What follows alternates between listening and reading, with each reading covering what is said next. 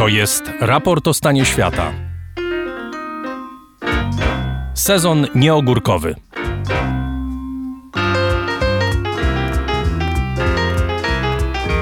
Przy mikrofonie Dariusz Rosiak, dzień dobry Państwu. Trwa raportowy sezon nieogórkowy, czyli nasza deklaracja wiary w to, że słuchacze raportu również w lipcu i w sierpniu mają ochotę posłuchać rozmów o świecie, który nas otacza i zmienia się w błyskawicznym tempie, a my, czyli ludzie, czasem nie nadążamy. Dziś o Polsce porozmawiamy, o pomyśle na nią. Pomysł zakłada ni mniej, ni więcej jak zmianę ustroju naszego kraju. To znaczy demokracja by została, ale byłaby to inna demokracja i inna Polska niż ta, w której dziś żyjemy. Polska bez nieustannej wojny plemiennej, z władzą znacznie bliżej obywateli niż obecnie, kraj zdecentralizowany, a równocześnie połączony w przestrzeni dobra wspólnego, które wszyscy obywatele, bez względu na poglądy, pochodzenie, przekonania, styl życia, chronią i są jego beneficjentami. Brzmi to jak mrzonka albo program polityczny partii, która chciałaby wygrać nadchodzące wybory? No dobrze, ja też jestem sceptyczny, ale to nie powód, żeby o Rzeczpospolitej naszych marzeń nie rozmawiać. I dzisiaj w sezonie nieogórkowym właśnie o lepszej Polsce. Pofolgujmy marzeniom.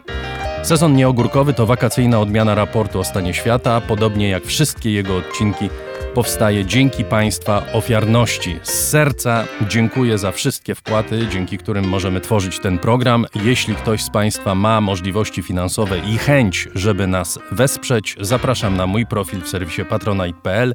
Za jego pośrednictwem najłatwiej nas wesprzeć. A do słuchania zapraszamy wszystkich. To jest program dostępny za darmo i tak zostanie. Chris Wawrzak jest realizatorem dźwięku. Jesteśmy w studio Efektura w Warszawie.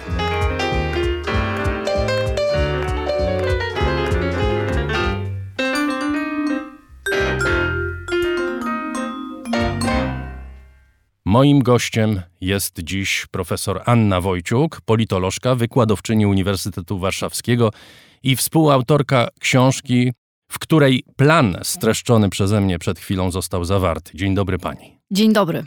Książka nosi tytuł Umówmy się na Polskę, jest dziełem prawie 30 ekspertów reprezentujących różne poglądy polityczne. Mamy w niej również prozatorskie rozdziały napisane przez znanych polskich pisarzy. Jest to moim zdaniem karkołomna próba opisania reformy ustrojowej w formie literackiej, ale do odważnych świat należy. Generalnie chyba wszystkich autorów łączy jedna myśl i to myśl wcale nie banalna. Problemem Polski, piszecie Państwo, jest źle zaprojektowany ustrój naszego kraju. Nie politycy, nie złe wybory, których dokonują wyborcy, niezłe realizacje decyzji, które zostały zapowiedziane, nie korupcja, nie miernota intelektualna ludzi zajmujących się sprawami publicznymi, tylko właśnie ustrój. Skąd to przekonanie? Ustrój, w którym funkcjonujemy, to jest ustrój, w którym zwycięzca bierze wszystko. Y, chociaż mamy system proporcjonalny, więc teoretycznie nie, nie powinno tak być, jednak y, dlatego, że wprowadzono po pierwsze próg wyborczy, po drugie system Donta. De facto tak to wygląda, że po każdych wyborach więcej niż połowa Polek i Polaków nie czuje się w Polsce u siebie, natomiast partie zachęca to do gry bardzo brutalnej, gry o wszystko i y, ten spór jest dla nas tak bardzo dotkliwy, ponieważ on schodzi do spraw codziennego życia obywateli, które bardzo mocno nas dotykają, o które bardzo mocno się boimy, a które wcale nie są strategiczne z punktu widzenia państwa jako całości. Na to poświęcamy 90% naszej energii.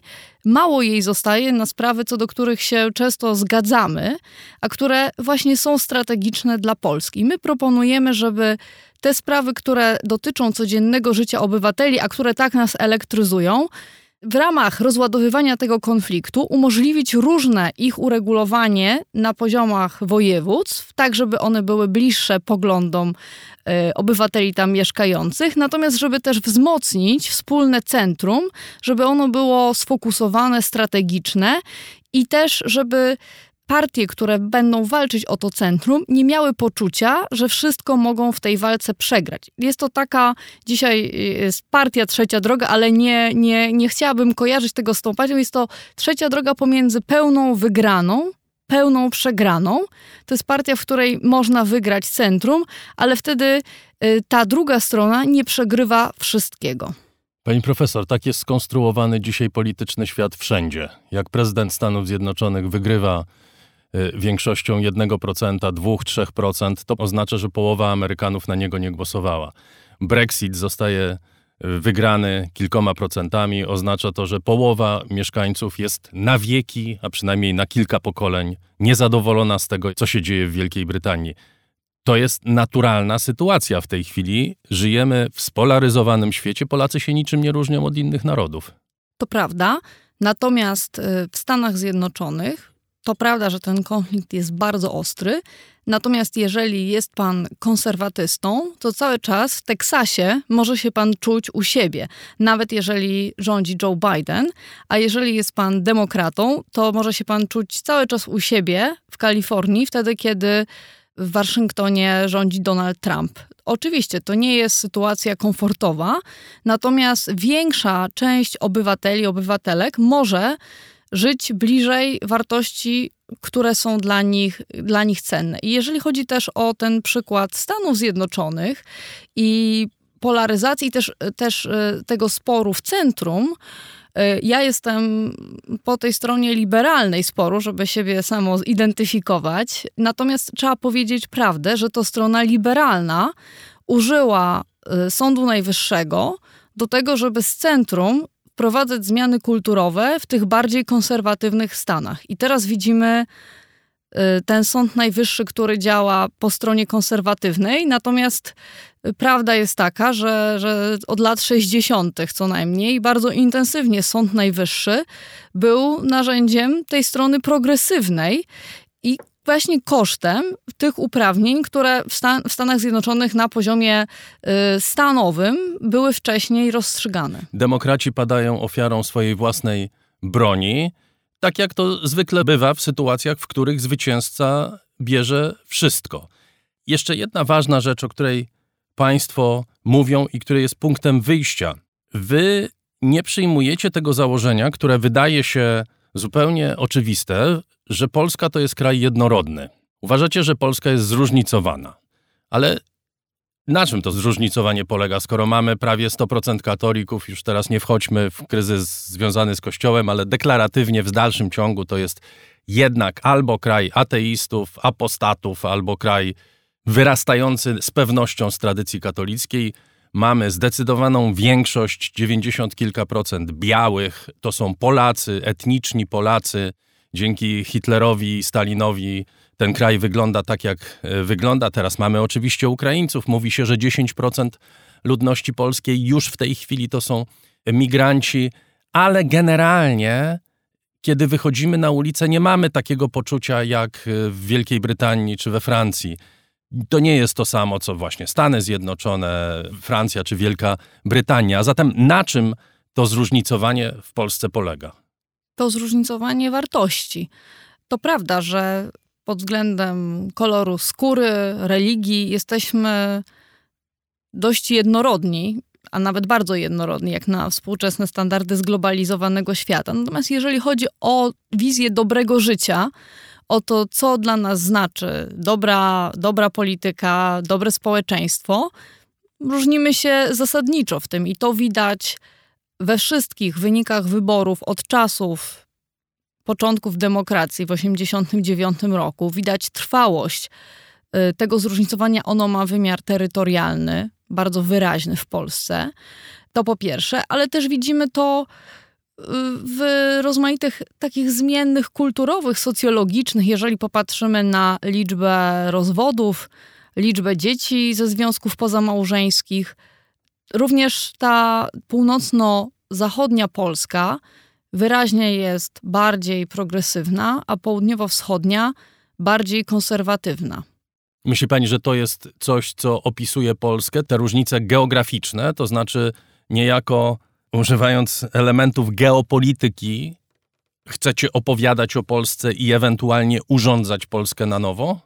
Uważamy, że ten terytorialny wymiar zróżnicowania wartości, idei popularnych wśród obywateli i obywatelek może zostać wykorzystany do tego, żeby ten spór rozładować. I oczywiście to nie jest w 100% jednorodne. Tak? To nie jest, nie jest tak, że wszyscy na Podkarpaciu są konserwatywni, a wszyscy na Pomorzu są progresywni. Jednak jeżeli sobie zobaczymy mm, na przykład na mm, miasta we wschodniej Polsce, te, które, o których się często mówi, tam rządzą liderzy ko- kojarzeni ze stroną progresywną, tak jak mm, prezydent Białego Stoku, Lublina, Rzeszowa, którzy są z Platformy, prezydent Ferenc nawet był z SLD, prawda?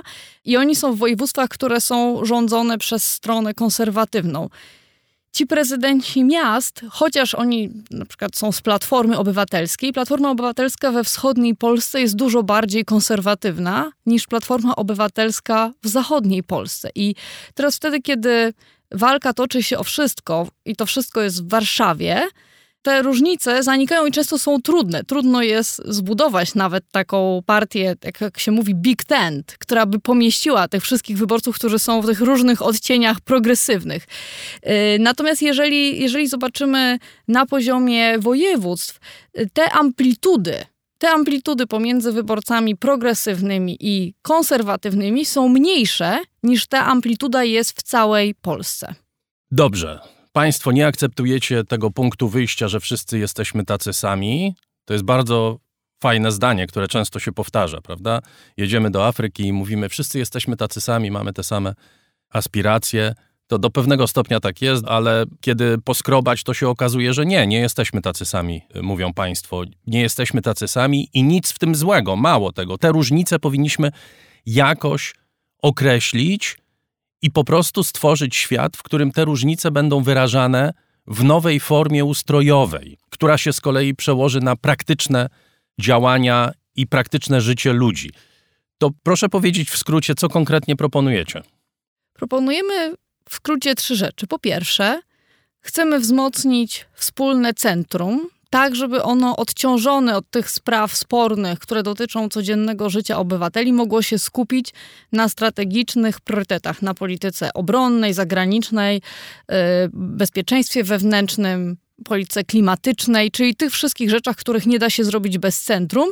I Wymieniła których... pani prawie wszystkie ministerstwa, które w waszej konstrukcji nowej występują, prawda? Tam jeszcze chyba ze dwa tak byśmy jest. dodali, ale Plus, to byłoby siedem ministerstw, tak? Tak, tak. Znaczy ten akurat komponent centralny jest opcjonalny. Te, te, te zmiany można wprowadzić bez konkretnie tej koncepcji centrum. To jest mm, pewna propozycja, jak można o tym myśleć. Proponujemy też, żeby w centrum pozostały te kluczowe elementy spójności społecznej i solidarności społecznej, takie jak wspólny system emerytalny, ubezpieczeń zdrowotnych, żeby te rzeczy zostały w centrum. I proszę Państwa, to jest aż prawie 60% wydatków publicznych cały czas zostaje w centrum. Teraz co proponujemy zdecentralizować i w tym przypadku oddać na poziom samorządowych województw? To są przeważającej części te zadania, które już dzisiaj samorządy wykonują. Na przykład dobrym, dobrym e, case'em do rozmowy jest oświata. Zadania w zakresie oświaty już dzisiaj wykonują samorządy, natomiast one nie decydują, w jaki sposób te zadania są wykonywane. My proponujemy, żeby samorządy nie tylko wykonywały te zadania, ale również, żeby na poziomie wojewódzkim mogły w większym stopniu decydować, w jaki sposób na przykład ta oświata ma wyglądać. Hola, hola, to znaczy, że jak ktoś będzie chciał mieć hit podręcznik do nauki współczesności, to będzie go używał, a jeżeli w Poznaniu nie będą go chcieli, to w Poznaniu dzieci będą się uczyły z innych e, podręczników e, innego programu? Na przykład przy zachowaniu pewnych wspólnych minimów, bo uważamy, że kraj musi być wygodny, przyjazny dla obywateli i żeby to było możliwe, pewne standardy muszą być wspólne, na przykład matura. I co do tego się zgadzamy, bez względu na to, czy jesteśmy konserwatystami, czy progresywistkami, zgadzamy się, że powinna być matura, że powinniśmy się uczyć matematyki, że e, jest, na pewno zgadzamy się do, do pewnej części kanonu, lektur szkolnych, więc te rzeczy spokojnie można by ustalać jako taki element wspólny.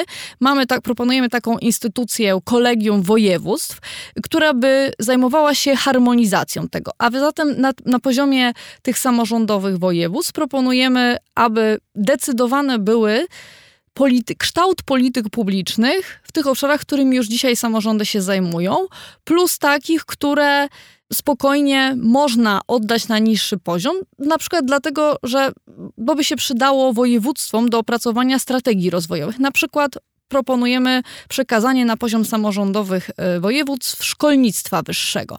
E, dlatego, że uniwersytety są ważnym elementem przykład klastrów e, rozwojowych. Więc to jest druga rzecz. I trzecia rzecz, proponujemy wzmocnienie obywatela, danie obywatelowi większej sprawczości przez cały szereg instrumentów demokracji bezpośrednich, od rozmaitych rankingów usług publicznych, systemu oceny jakości prawa, e-referenda i tak. Dlatego, żeby ludzie mogli decydować w tych sprawach, które właśnie dotyczą ich codziennego życia, żeby dać im narzędzia, które są łatwe i które już dzisiaj sprawdzają się na przykład w, w ocenianiu jakości usług, które kupujemy, restauracji, hoteli i tak. Jest jeszcze jeden element, o którym mówicie, to znaczy dotyczący na przykład podatków i w ogóle mienia publicznego, prawda? Proponujecie przekazanie na przykład spółek Skarbu Państwa województwom.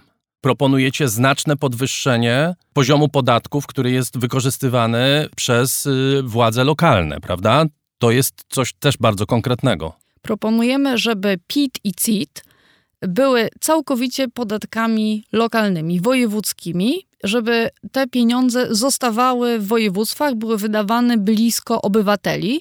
Mamy szczegółową analizę ekonomiczną wykonaną przez naszych znakomitych ekonomistów, yy, która pokazuje, że przy bardzo takim daleko posuniętym przekazaniu tych zadań, wszystkie województwa, w sytuacji kiedy PIT i CIT zostają na poziomie województw, wszystkie województwa mają deficyt, za wyjątkiem Mazowsza. To jest bardzo dobra wiadomość, tak naprawdę, dlatego że ogranicza to sytuację na przykład janosikowego i tego typu mechanizmów, które z perspektywy ekonomii politycznej są po prostu trudne.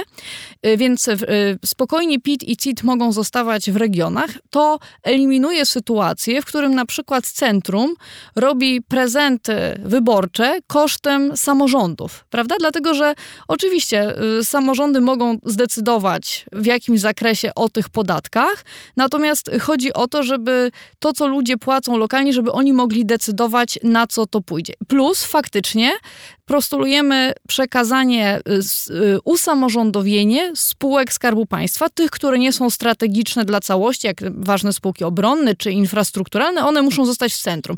Natomiast y, trzecią, znowu taką propozycją kompromisową pomiędzy prywatyzacją i zostawieniem w centrum, kiedy widzimy, że kolejne ekipy tam po prostu wstawiają nie zawsze kompetentnych ludzi, parkują tam swoich działaczy, proponujemy to usamorządowić, tak żeby one też były częścią strategii rozwoju rozwojowych klastrów, które, którymi już dzisiaj zarządzają województwa. Przebija z pani wiara y, w to, że kiedy samorządy będą rządzić, to nie będą ci skorumpowani albo niekompetentni ludzie. Do tego wrócimy, do tego, dlaczego samorządowcy mieliby być lepsi niż ci, którzy rządzą nami z poziomu y, centralnego. Są różne przykłady, jak pani wie, w Polsce. Ale chciałbym wrócić do tego, o czym przez moment y, rozmawialiśmy. Jeszcze tylko doprecyzujmy. PIT i CIT miałyby być ustalane na poziomie centralnym. Czy każde województwo mogłoby sobie ustalić własny poziom? Jest tam reguła która ogranicza tak zwany race to the bottom, znaczy w zasadzie uniemożliwia go. To znaczy, że jest pewien poziom, który jest wspólny, poziom yy, minimalny, dzisiejszy poziom, natomiast województwa mogą podwyższyć podatki. Ale nie może być tak, że któreś z nich, idąc za przykładem Irlandii, zlikwiduje podatki albo ustali je na takim poziomie, że wszystkie firmy będą chciały pracować w Poznaniu. No jeżeli chodzi o CIT, to mamy już y, prawda, CIT y, uregulowany na poziomie międzynarodowym też, więc to jest też y, ważne ograniczenie. Natomiast zdecydowanie są tam mechanizmy, których województwa, jeżeli by chciały obniżać, to muszą wykazać, że skąd będą miały na finansowanie tych zadań. Więc zdecydowanie chcemy uniknąć sytuacji pewnego dumpingu podatkowego, bo ta, ta propozycja też tutaj współautorem jest profesor Mikołaj Herbst, który ma takie mocno socjaldemokratyczne poglądy, więc y, on wymyślił sposoby, w jaki, jak, jak zabezpieczyć ten system przed właśnie takim niebezpiecznym y, mechanizmem wyścigu do dna. Dobrze, wróćmy do tego, o czym pani e, wcześniej mówiła, czyli do tego, co różni Polaków najbardziej. Po to wróćmy, żeby się odnieść do tych konkretów. Piszecie Państwo tak. Do tych punktów spornych należy rola Kościoła katolickiego i głoszonych przez niego zasad moralnych w życiu publicznym. Ta fundamentalna rozbieżność często sprowadzana jest do kwestii dotyczących praw kobiet, osób y, nieheteronormatywnych, ale jej zasięg jest dużo szerszy i wpływa na politykę edukacyjną, religia, symbole religijne w szkołach publicznych, ekonomiczną, handel w niedzielę, stopień wsparcia Kościoła przez państwo czy zdrowotną. Równie głębokie są różnice w podejściu do kluczowych, wyznaczających naszą tożsamość punktów historii, szczególnie do negocjacyjnego modelu transformacji ustrojowej z 1989 roku i tak dalej. Proszę mi powiedzieć, czy według Państwa propozycji województwo pomorskie może być przeciwko aborcji, a województwo mazowieckie za w jednej Polsce i ustalić przepisy, w ramach których aborcja jest dostępna w jednej części kraju i niedostępna w drugiej. Bo aborcja, tutaj nie wspomnieliśmy o tym, ale aborcja jest z pewnością jednym z takich przykładów działań, w których nie ma mowy, żebyśmy nie wiem co zrobili, nie pogodzimy się, nie dogadamy się w tej sprawie, albo jedni założą drugich, albo drudzy pierwszych. Tak, jeśli by na to zgodziły się yy, Sejm i nowy Senat. Nie zgodzą się. Dlaczego miałyby się zgodzić? To musi być przedmiotem no, umowy społecznej, prawda? Więc my nie możemy z góry narzucić tego, że coś będzie zdecentralizowane, a coś nie będzie.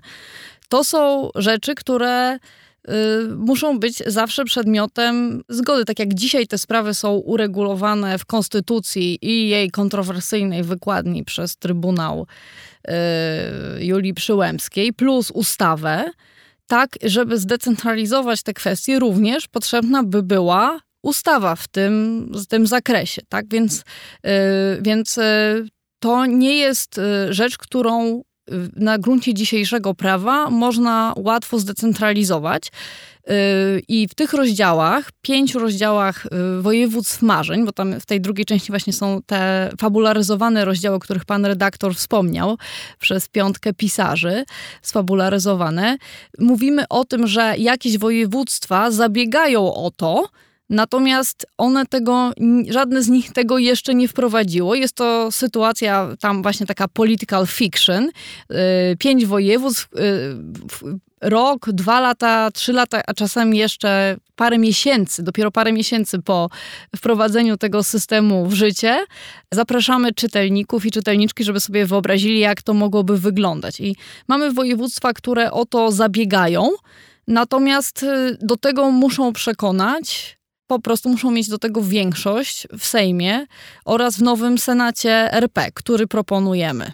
I który będzie inaczej wyglądał, już może w tym momencie nie wchodźmy, jak on miałby wyglądać, bo to są sprawy administracyjne bardzo ciekawe. Ja zresztą odsyłam do książki, zachęcam Państwa do jej przeczytania. Ale proszę mi powiedzieć, bo mi się wydaje, że to, co Wy proponujecie, to jest nie tyle próba likwidacji polaryzacji, ile przeniesienie jej na poziom wspólnot lokalnych. To znaczy, dzielimy się nie jako Polacy całościowo, tylko dzielimy się jako warszawiacy i mieszkańcy Podlasia, prawda? Albo poznaniacy i rzeszowianie. Weźmy ten przykład aborcji. Jeśli w Warszawie aborcja jest dostępna, a w Białymstoku nie jest dostępna, to nie znaczy, że polaryzację zlikwidowaliśmy, tylko że ona funkcjonuje na trochę innym poziomie. To znaczy, w całej Polsce w dalszym ciągu pozostają ludzie, którzy nie są w stanie ze sobą rozmawiać nawet na temat aborcji i nie wiem, być może dla tych, dla których jest to problem nieprawdopodobnie ważny, rozważą przeprowadzenie się do Warszawy, a ci, dla których dozwolona aborcja jest obrazą, przeniosą się do Białego Stoku. To nie jest walka z polaryzacją, tylko to jest przyjęcie do wiadomości, że polaryzacja istnieje i koniec. I tej sprawy nie rozwiążemy. To jest przyznanie, że jesteśmy różni i w ramach standardów, na przykład takich, jakie wyznacza Europejska Konwencja o, o prawach człowieka, której Polska jest stroną jako całość, umożliwienie Polakom tak, żeby żyli zgodnie z tymi wartościami, w regionach, w których, w, których, w których mieszkają, ale to nie zamyka, po pierwsze to nie zamyka gry politycznej, tak jak pan powie, redaktor powiedział. Jak najbardziej ci Polacy, ci aktywiści, którzy mają inne poglądy, jak najbardziej mogą tam zabiegać o to, żeby ich idee były obecne. To w żaden sposób nie przesądza tych wyników gry, to jest po prostu, to są po prostu reguły gry, w których nie jest przesądzone, kto wygra. To są uczciwe reguły gry, równe boisko. I teraz. Ja po prostu tylko zwracam uwagę na jedną rzecz. Polaryzacja jest problemem ogólnoświatowym. Bez względu na to, jaki ustrój kraju weźmiemy, to ludzie kłócą się o te wszystkie rzeczy, które wymieniłem i jeszcze o kilka innych, prawda? Stany Zjednoczone są krajem federalnym. Y, to, że w Teksasie aborcja funkcjonuje inaczej y, niż w Waszyngtonie, to nie znaczy, że ten problem nie istnieje i ludzie nie wykazują tak ogromnych negatywnych emocji, prawda? To znaczy ustrój, w tym sensie ustrój niewiele zmienia. Problem leży gdzie indziej. Nie zgadzam się. Jeżeli by ten spór w Polsce zdecentralizować, okaże się, że wcale nie ma dwóch Polsk, tylko jest bardzo wiele odcieni polskości i że ta mieszanka, ten miks różnych wartości będzie różny w różnych województwach, że będziemy mieli województwa bardziej klasycznie konserwatywne, bardziej chadeckie, będą cały czas musiały istnieć koalicje, w których będzie trzeba znaleźć większość dla pewnych idei. Więc, e, więc się z tym nie zgadzam, dlatego że jeżeli nawet y, po prostu jeździmy po Polsce, widzimy, że nawet ten konserwatyzm ma inne oblicze. Inne na przykład ma oblicze w Galicji, inne ma w dawnym Królestwie Polskim. Nawet widać pewne pozaborowe różnice. To jest jedna rzecz. Druga rzecz jest taka, jeżeli chodzi o Stany Zjednoczone, też nie zapominajmy, że to jest dużo większy kraj niż nasz i y, kraj o dużo większych, rea, y, dużo, du, du, dużo większym też y, historycznym konflikcie, na przykład o niewolnictwo, takie rzeczy, których my Polacy nie mamy, które bardzo głęboko dzielą tamten naród. Więc też w mniejszej skali inne sprawy skali. dzielą inne narody, prawda? We Francji problem aborcji nie ma takiego wymiaru jak w Polsce, prawda? We Francji, czy w Wielkiej Brytanii, czy, czy w Szwajcarii, szczerze mówiąc, nie znam dokładnie Szwajcarii, ale nie wydaje mi się, żeby to wzbudzało jakieś emocje. Natomiast we Francji problem wieku emerytalnego wzbudza polaryzację, o której się w Polsce nie śniło, akurat jeśli weźmiemy ten temat, prawda? To znaczy, w każdym z tych krajów ta polaryzacja przebiega trochę inaczej. Po części tak, po części nie. W mojej ocenie bardzo ważnym elementem tego, oczywiście są, są różnice, natomiast bardzo ważnym elementem jest stosunek do wartości kulturowych. I w moim przekonaniu jest on y, dużo silniejszym czynnikiem tej polaryzacji niż, y, niż ten ekonomiczny element. Y, jest dużo badań, w różny sposób można to pokazywać. Po, po pierwsze, ta, ten konflikt dotyczy tempa i kierunku zmian kulturowych i próby powrotu do modelu kulturowego, który już y, został w dużej mierze rozmontowany i przywrócenia go, prawda? Na przykład, jeżeli obserwujemy w Stanach konflikt o, o edukację czy o uniwersytety, więc chodzi o to, żeby edukacja była taka, jak była dawniej, i żeby zatrzymać ten kierunek, w którym ona zmierza. Y, więc przede wszystkim to jest kulturowe i moim zdaniem to się powtarza w bardzo wielu krajach. Jeżeli zobaczymy kraje takie jak nie wiem, Brazylia, Filipiny, Węgry, Polska, y, Wielka Brytania, Francja tutaj moim zdaniem jest y, trochę inna, chociaż też są te elementy kulturowe. Oczywiście tam jest oczywistością, że prawa LGBT, nie stanowią przedmiotu y, dyskusji, nie ma konfliktu o aborcji, więc pewne rzeczy są już elementem konsensu. Natomiast y, i we Francji oczywiście jest problem wieku emerytalnego, to jest problem ekonomiczny. Nie uważam, że to jest jedyny wymiar tej polaryzacji. W moim przekonaniu jest to przede wszystkim Y, element kulturowy i my uważamy, że ten sposób poradzenia sobie z polaryzacją i załatwia, właśnie decentralizacji zgodnie z zasadą subsydiarności, rozstrzygania ten, tych spraw na niższym poziomie, to jest recepta nie tylko dla Polski, ale również dla innych krajów. Nie bez powodu podam przykład Stanów Zjednoczonych, gdzie to strona progresywna użyła Sądu Najwyższego po to, żeby no, w tym przypadku na przy, między innymi w sprawie aborcji narzucić to, w co ta strona wierzy, tym stanom, które same by tego nie wprowadziły. I przykładem na kontrze do tego jest Australia, która, y, której y, problem aborcji był cały czas zdecentralizowany i niedawno ostatni ze stanów zalegalizował aborcję. Zrobiono to dużo mniejszym kosztem, dużo mniejszym konfliktem i dużo mniejszymi tymi stratami, y, jeżeli chodzi o wspólnotę, niż metodą, którą zastosowano w Stanach Zjednoczonych. I my mówimy, rozpakujmy ten pakiet na mniejsze części jeżeli jakieś regiony chcą zachować pewne wartości, to, się, to jest też model, który się sprawdził w wielu krajach europejskich. Zobaczmy, że takie kraje jak właśnie Szwajcaria, Niemcy, Austria, w tym przypadku to są kraje federalne, my federacji nie proponujemy i one mają regiony bardzo mocno konserwatywne i mają regiony bardzo mocno progresywne i współegzystują. Zobaczmy, że tam nie ma tak mocnej wojny kulturowej tak? Szwajcarzy, Austriacy, Niemcy mogą żyć w bardziej konserwatywnych, bardziej progresywnych miejscach i są mniejsze koszty tej wojny. To jest naszym zdaniem model, z którego można wyciągnąć no tak, Bawaria to jest troszkę nauczyć. co innego niż Berlin, prawda?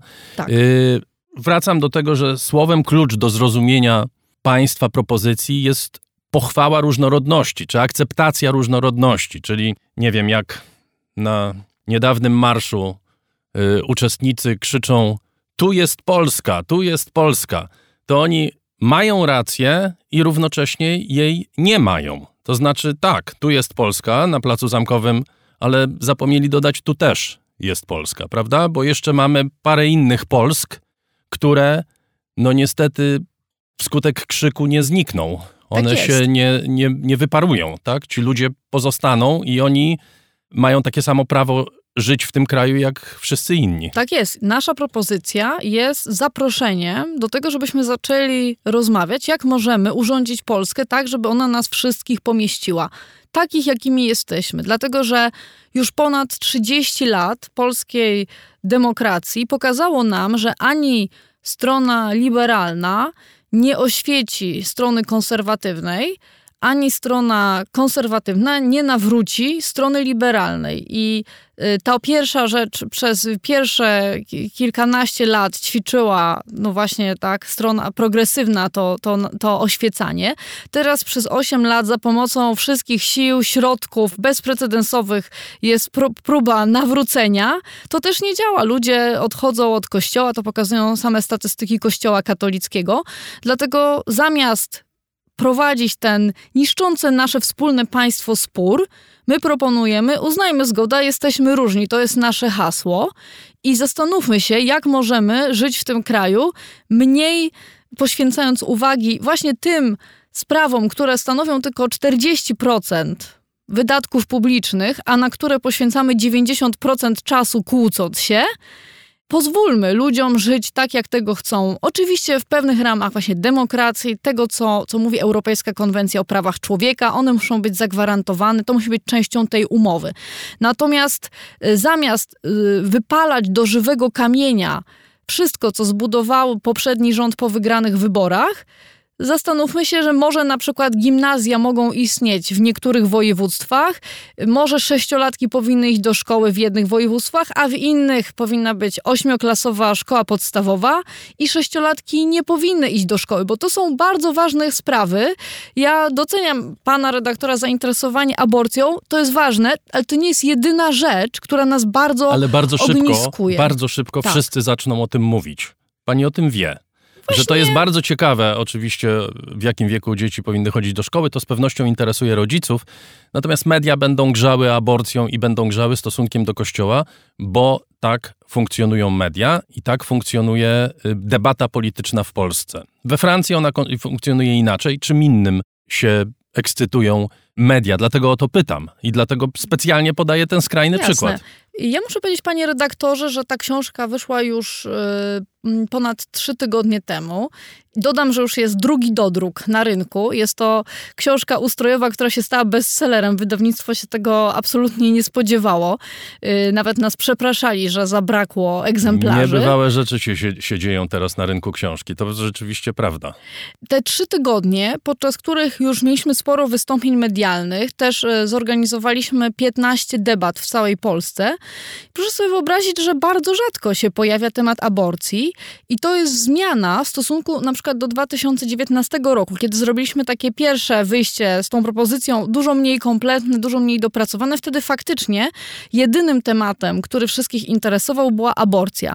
Natomiast tym razem uważam, że ludzie są już tak zmęczeni tą polsko-polską wojną, tą polsko-polską wojną, że uważają, że trzeba szukać jakiegoś sposobu z niej wyjścia, nawet jeżeli na przykład to nie usatysfakcjonuje wszystkich w sprawie konkretnie aborcji, bo faktycznie jest to temat bardzo trudny, fundamentalny dla różnych stron tego konfliktu i my pokazujemy, jak to mogłoby wyglądać, natomiast to nie jest główny i jedyny temat, y, który próbujemy rozwiązać, bo y, A jaki, jakie pokazujemy... są główne tematy, które ludzi interesują? Mówi pani aborcja nie? Nie wiem, domyślam się, że skoro aborcja nie, to może też związki jednopłciowe też ludzi mniej interesują niż dawniej.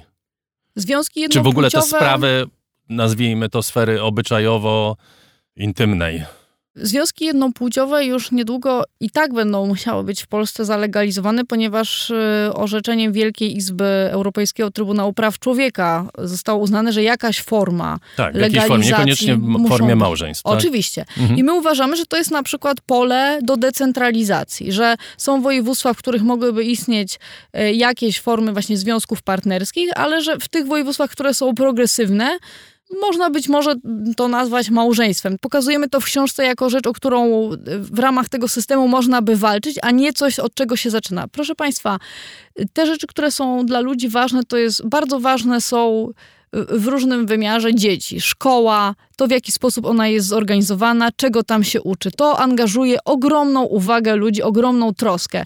Jest wielki konflikt. Czy dzieci powinny być bardziej y, blisko rodziców, y, otoczone ich troską i ciepłem, czy bardziej państwo powinno ingerować w wychowanie dzieci.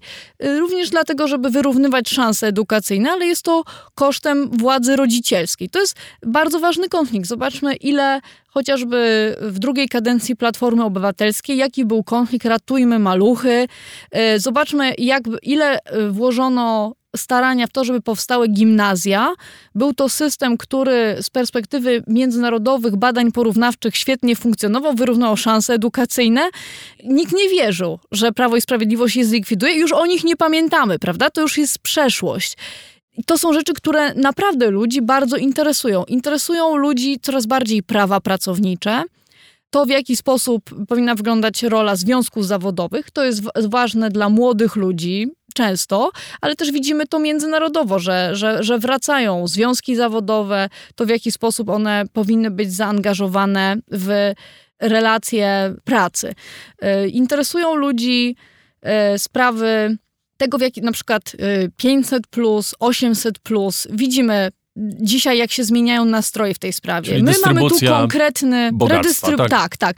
Mamy konkretny pomysł, że te pieniądze, które y, są na 500 czy 800 plus, jakkolwiek to będzie w momencie decentralizacji, zakładamy, że wszystko pozostaje tak, jak było i te pieniądze zostają po prostu w samorządowych województwach. I obywatele mogą podjąć decyzję, czy chcą, żeby nadal było wypłacane 800 plus, czy na przykład, żeby było 500 plus, ale tylko na drugie i kolejne dziecko, a resztę tych pieniędzy, żeby przeznaczyć na usługi publiczne. Wydaje mi się, że bardzo ważną rzeczą, którą Polki i Polacy coraz bardziej dostrzegają, to jest za, zapaść usług publicznych różnego typu. I wiemy, że transfery bezpośrednie do kieszeni są alternatywą wobec usług publicznych. To jest bardzo ważny wybór. Czy wolimy dostawać pieniądze do kieszeni i kupować usługi na rynku? To jest taki model friedmanowski, prawicowy, czy bardziej model lewicowy, w którym te nasze wspólne pieniądze idą na usługi publiczne i w tym właśnie wymiarze na przykład y, samorządowych województw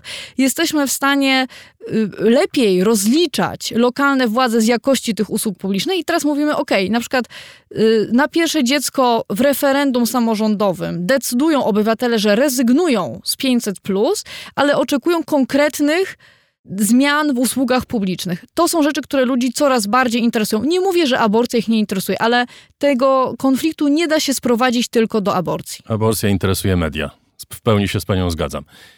Mówi pani, że to nie jest propozycja federalizacji Polski. A co w takim razie z regionami, gdzie żyją odrębne grupy, bo mówimy, że Polacy są y, niezróżnicowani, no ale w niektórych miejscach żyją grupy, narody, jak niektóre chcą się określać, domagające się autonomii, na przykład Ślązacy czy Kaszubi do pewnego stopnia. W jaki sposób w tym nowym systemie państwo do nich podchodzi? Fundamentem jest to, co nazywamy symetryczną decentralizacją. To jest bardzo ważne i to jest rzecz, która odróżnia nasz projekt od mm, na przykład ustroju hiszpańskiego, który ma model asymetryczny. Za chwilę wytłumaczę, co to znaczy. Otóż model asymetryczny to jest taki, w którym regiony indywidualnie sobie negocjują, z centrum, ile chcą mieć autonomii. To prowadzi do bardzo niebezpiecznych rozwiązań ustrojowych, separatyzmów, dlatego że te regiony, które są właśnie bardziej gotowe na samodzielność, starają się wyrwać jak najwięcej, natomiast te regiony, które są mniej na to gotowe, nie są w stanie obronić tego, co wspólne. To jest bardzo niebezpieczny model i tutaj jesteśmy od dawna już w ostrym sporze z ruchem autonomii Śląska, który właśnie ma model y, y, konstytucji, ma taką propozycję konstytucji, która proponuje Y, możliwość autonomii. To znaczy, że każdy region może sobie wynegocjować, ile tam chce. To jest katastrofalna propozycja. Wiemy z przykładów innych państw, właśnie takich jak Wielka Brytania, która jest państwem unitarnym, ale ma asymetryczną decentralizację, na przykład Szkocja.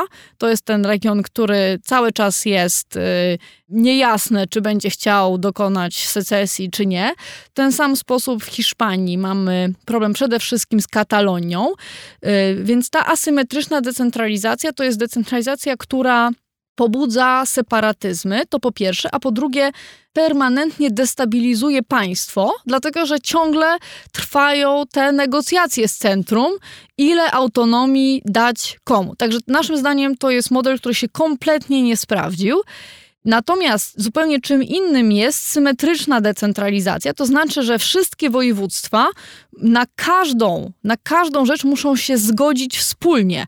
Nikt nie dostaje więcej niż wszyscy są w stanie przyjąć. I to jest model, który się bardzo dobrze sprawdza na świecie nie powoduje żadnych separatyzmów, to tak naprawdę to państwa scentralizowane mają większe problemy z separatyzmami.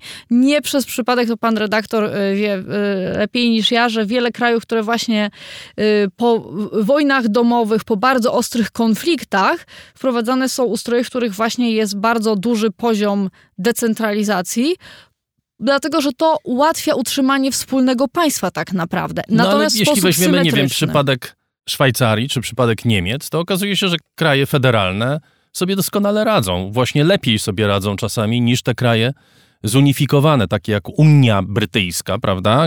To jest kraj Unii Narodów. Czy choćby Francja, gdzie y, tam też dochodzi do tego typu procesów jakby destrukcyjnych czy destabilizujących tą jedność, już o, o Hiszpanii pani wspomniała federacjach nie ma nic złego. Najsilniejsze państwa świata to federacje, tak jak pan redaktor powiedział. Te, które podziwiamy, Stany Zjednoczone, Szwajcaria, Niemcy, to wszystko są federacje. My uważamy, że tak akademicko mówiąc, że w ogóle ten podział na państwa federalne i unitarne jest y, bardzo mocno historyczny i on wiąże się z procesami państwotwórczymi, bowiem federacje powstawały właśnie w toku tych procesów państwotwórczych, kiedy różne terytoria, które posiadały suwerenność, łączyły się tworząc wspólne państwo, natomiast zachowywały część suwerenności. Y, I to jest różnica, żeby tak wytłumaczyć y, słuchaczom, na czym polega ta różnica pomiędzy federacją i państwem unitarnym, dystrybucji suwerenności. To znaczy, właśnie w federacjach te komponenty składowe zachowują jakąś cząstkę suwerenności. W Stanach Zjednoczonych objawia się to na przykład tym, że nie można zmienić granic stanów, nie można złożyć z urzędu gubernatora. Y, my uważamy, że to nie jest y, w tym przypadku dobry model. Uważamy, że powinien być silny nadzór nad samorządem. Mamy też propozycję, w jaki sposób go umiejscowić. Uważamy, że dzisiaj, y, dzisiaj ten nadzór znajduje się u premiera. My proponujemy przenieść go do prezydenta, bowiem prezydent jest tym, tym, tym urzędem, który ma bardzo silny mandat społeczny, pochodzi z wyborów bezpośrednich, ale nie jest nie ma kompetencji na wagę mandatu, który posiada, więc proponujemy, żeby był bardzo silny nadzór nad tym samorządem. Nawet proponujemy to, co nazywamy kompetencjami atomowymi, że w przypadku właśnie separatyzmów, y, rzeczy, które są bardzo mało prawdopodobne, ale dobrze zaprojektowany system powinien być na nie gotowy. Y, prezydent może uchylać akty prawa miejscowego, rozwiązać sejmik wojewódzki, złożyć z urzędu wojewodę samorządowego, bo proponujemy połączenie urzędów wojewody dzisiejszego i marszałka, więc ma bardzo silne koncepcje nadzoru nad samorządem, których nie ma w żadnej federacji. Dobrze. Państwa pomysł, powiedzmy sobie szczerze, zakłada, że opozycja musi wygrać wybory. To zależy od perspektywy czasowej i różni nasi członkowie, bo w naszym stowarzyszeniu jest ponad 130 osób. Nasze stowarzyszenie to inkubator umowy społecznej. Ono tę książkę napisało i są tacy wśród nas, którzy uważają, że to jest perspektywa 20 lat. Są tacy wśród nas, którzy uważają, że to jest sprawa najbliższych wyborów. To zależy oczywiście od perspektywy czasowej. A skąd w ogóle przekonanie, że w Polsce znajdzie się grupa polityków, którzy po zdobyciu władzy po prostu postanowią, że się, że się nią podzielą ze wszystkimi. Czy nie ma pani wrażenia, że to brzmi śmiesznie, nawet jak ja to mówię? Zupełnie nie. Zupełnie nie. Proszę państwa, ten pomysł tym różni się od wielu innych, które funkcjonują w sferze publicznej, że my nie liczymy na to, że pewnego dnia spadną nam z nieba idealni politycy, wspaniali, yy, kompetentni, uczciwi, których będziemy, o których marzymy, to się nie wydarzy. My, my, zakładamy, że trzeba działać y, ze społeczeństwem i z politykami takimi, jakich mamy. W tym sensie jest to projekt daleki od utopii. Teraz, skoro są tacy, jacy są, trzeba liczyć na ich motywacje. Jakie, na jakie motywacje liczymy? Po pierwsze, y, w, w, sytuacji tej wojny polsko-polskiej, którą obie strony są poobijane, właśnie stworzenie nowych ram ustrojowych, takiej umowy społecznej, to jest rzecz, która by przeszła do historii Polski. Który polityk nie chciał być mężem stanu, który będzie już na zawsze w podręcznikach historii, jako ta grupa, która y, zawarła nową umowę społeczną. Tak jak mamy okrągły stół, można krytykować ten form, tę formę transformacji, ale to jest historyczny moment i liczymy tutaj na ego, że w tym przypadku wielkie ego polityków pokażemy im, że mogą jeszcze bardziej temu ego yy, dopomóc, do, tak? Tak, dopomóc. To jest pierwsza rzecz. Druga rzecz, bardzo ważna, jest taka, jeżeli się rozmawia dzisiaj z ludźmi, którzy są w okolicach Sejmu czy w rządzie, wszyscy mają poczucie, że było bardzo trudno się tam dostać i nic nie można zrobić. Y, jeżeli się, nie wiem, rozmawia z posłami, większość z nich ma poczucie niemal zerowej sprawczości, czuje się jak maszynka do głosowania. Jeżeli się ich pyta, ile ludzi w Polsce tak naprawdę ma sprawczość, y, najczęściej padająca odpowiedź jest, to jest kilka osób tylko. I na naszej propozycji możesz zyskać bardzo duża grupa polityków, liderów z centrum, ale też liderów lokalnych, bardzo, bo może być przynajmniej 16, a my proponujemy też, że można spokojnie i bezpiecznie zwiększyć liczbę województw bez kosztów i bez ryzyka dla y, aspektów rozwojowych.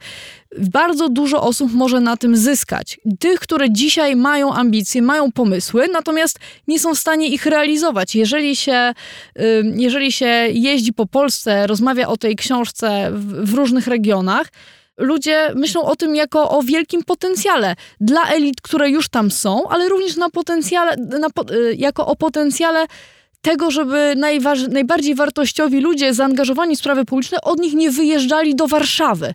Także może na tym wygrać bardzo duża grupa polityków i w tych political fictions, pięciu rozdziałach województwa marzeń pokazujemy przykłady polityków i polityczek, którzy z centrum wracają do regionów. I tam jest bardzo dużo postaci opartych na prawdziwych politykach i polityczkach. Ciekawa jestem, czy Państwo czytając będziecie w stanie zgadnąć, kto jest kim. Zapraszam Państwa do przeczytania tej książki i do wyrobienia sobie własnego zdania na te tematy, o których przed chwilą rozmawialiśmy. Moim gościem była profesor Anna Wojciuk, wykładowczyni Uniwersytetu Warszawskiego i współautorka książki Umówmy się na Polskę. Mamy kilka egzemplarzy dla Państwa. Bardzo proszę pisać na znany adres raportrosiaka małpa gmail.com. Dziękuję bardzo Pani. Dziękuję bardzo. Raportowy sezon nieogórkowy przez cały lipiec i sierpień. Zapraszam serdecznie w przyszłą środę. W sobotę oczywiście raporty o stanie świata. Nasze programy powstają dzięki Państwu. Dziękuję, że z nami jesteście.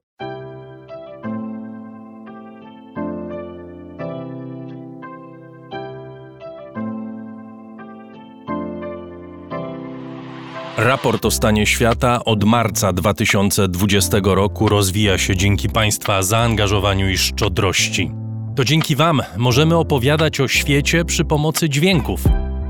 Dzięki Wam ten program jest przygotowywany w profesjonalny sposób z zachowaniem najwyższej jakości, bo na nią właśnie zasługują słuchacze raportu o stanie świata.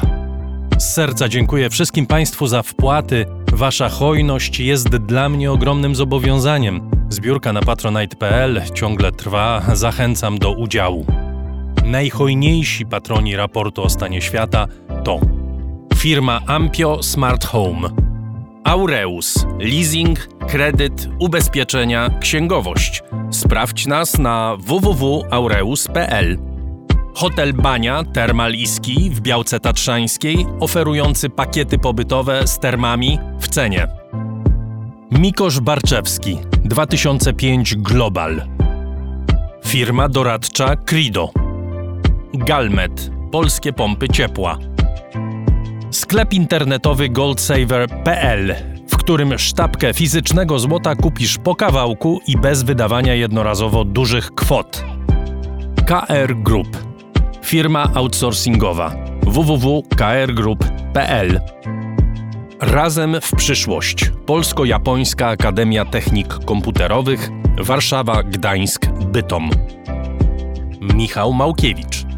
Northmaster, marka łodzi motorowych z Polski. www.northmaster.pl Wydawnictwo Pascal, wydawca przewodnika Polska na weekend. Firma Software Mill, od zawsze zdalni programują dla całego świata. Dom wydawniczy Muza, bo świat nie jest nam obojętny. Pure Play transparentna agencja mediowa digital i doradca w budowaniu kompetencji in-house. Uber myślimy globalnie, działamy lokalnie. Agnieszka i Sławek Zawadzcy. A także Budros pompy ciepła. Gruntowe pompy ciepła dla budynków przemysłowych i wielorodzinnych. Kompleksowa obsługa.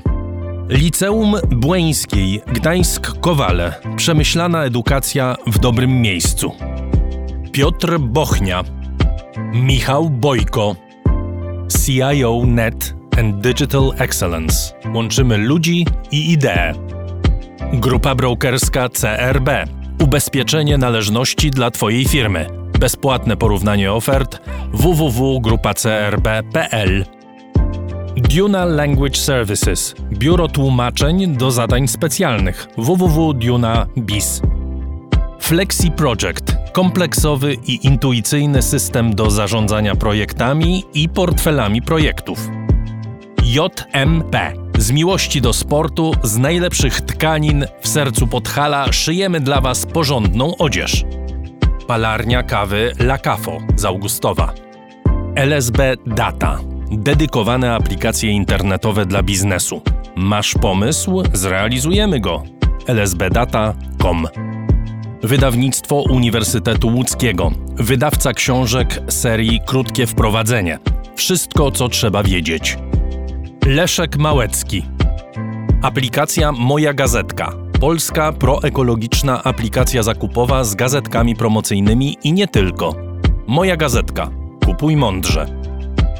Firma Prosper z Sosnowca, hurtownia elektroenergetyczna i właściciel marki Czystuś. Firma ODO24. Optymalny kosztowo outsourcing ochrony danych osobowych ODO24.pl. Tatrzański Festiwal Biegowy Tatra Sky Marathon. 22 lipca biegamy w sercu Tatry i gminy Kościelisko. Tixto.pl Niezależny serwis biletowy Sprzedamy bilety na Twoje wydarzenia kulturalne i sportowe.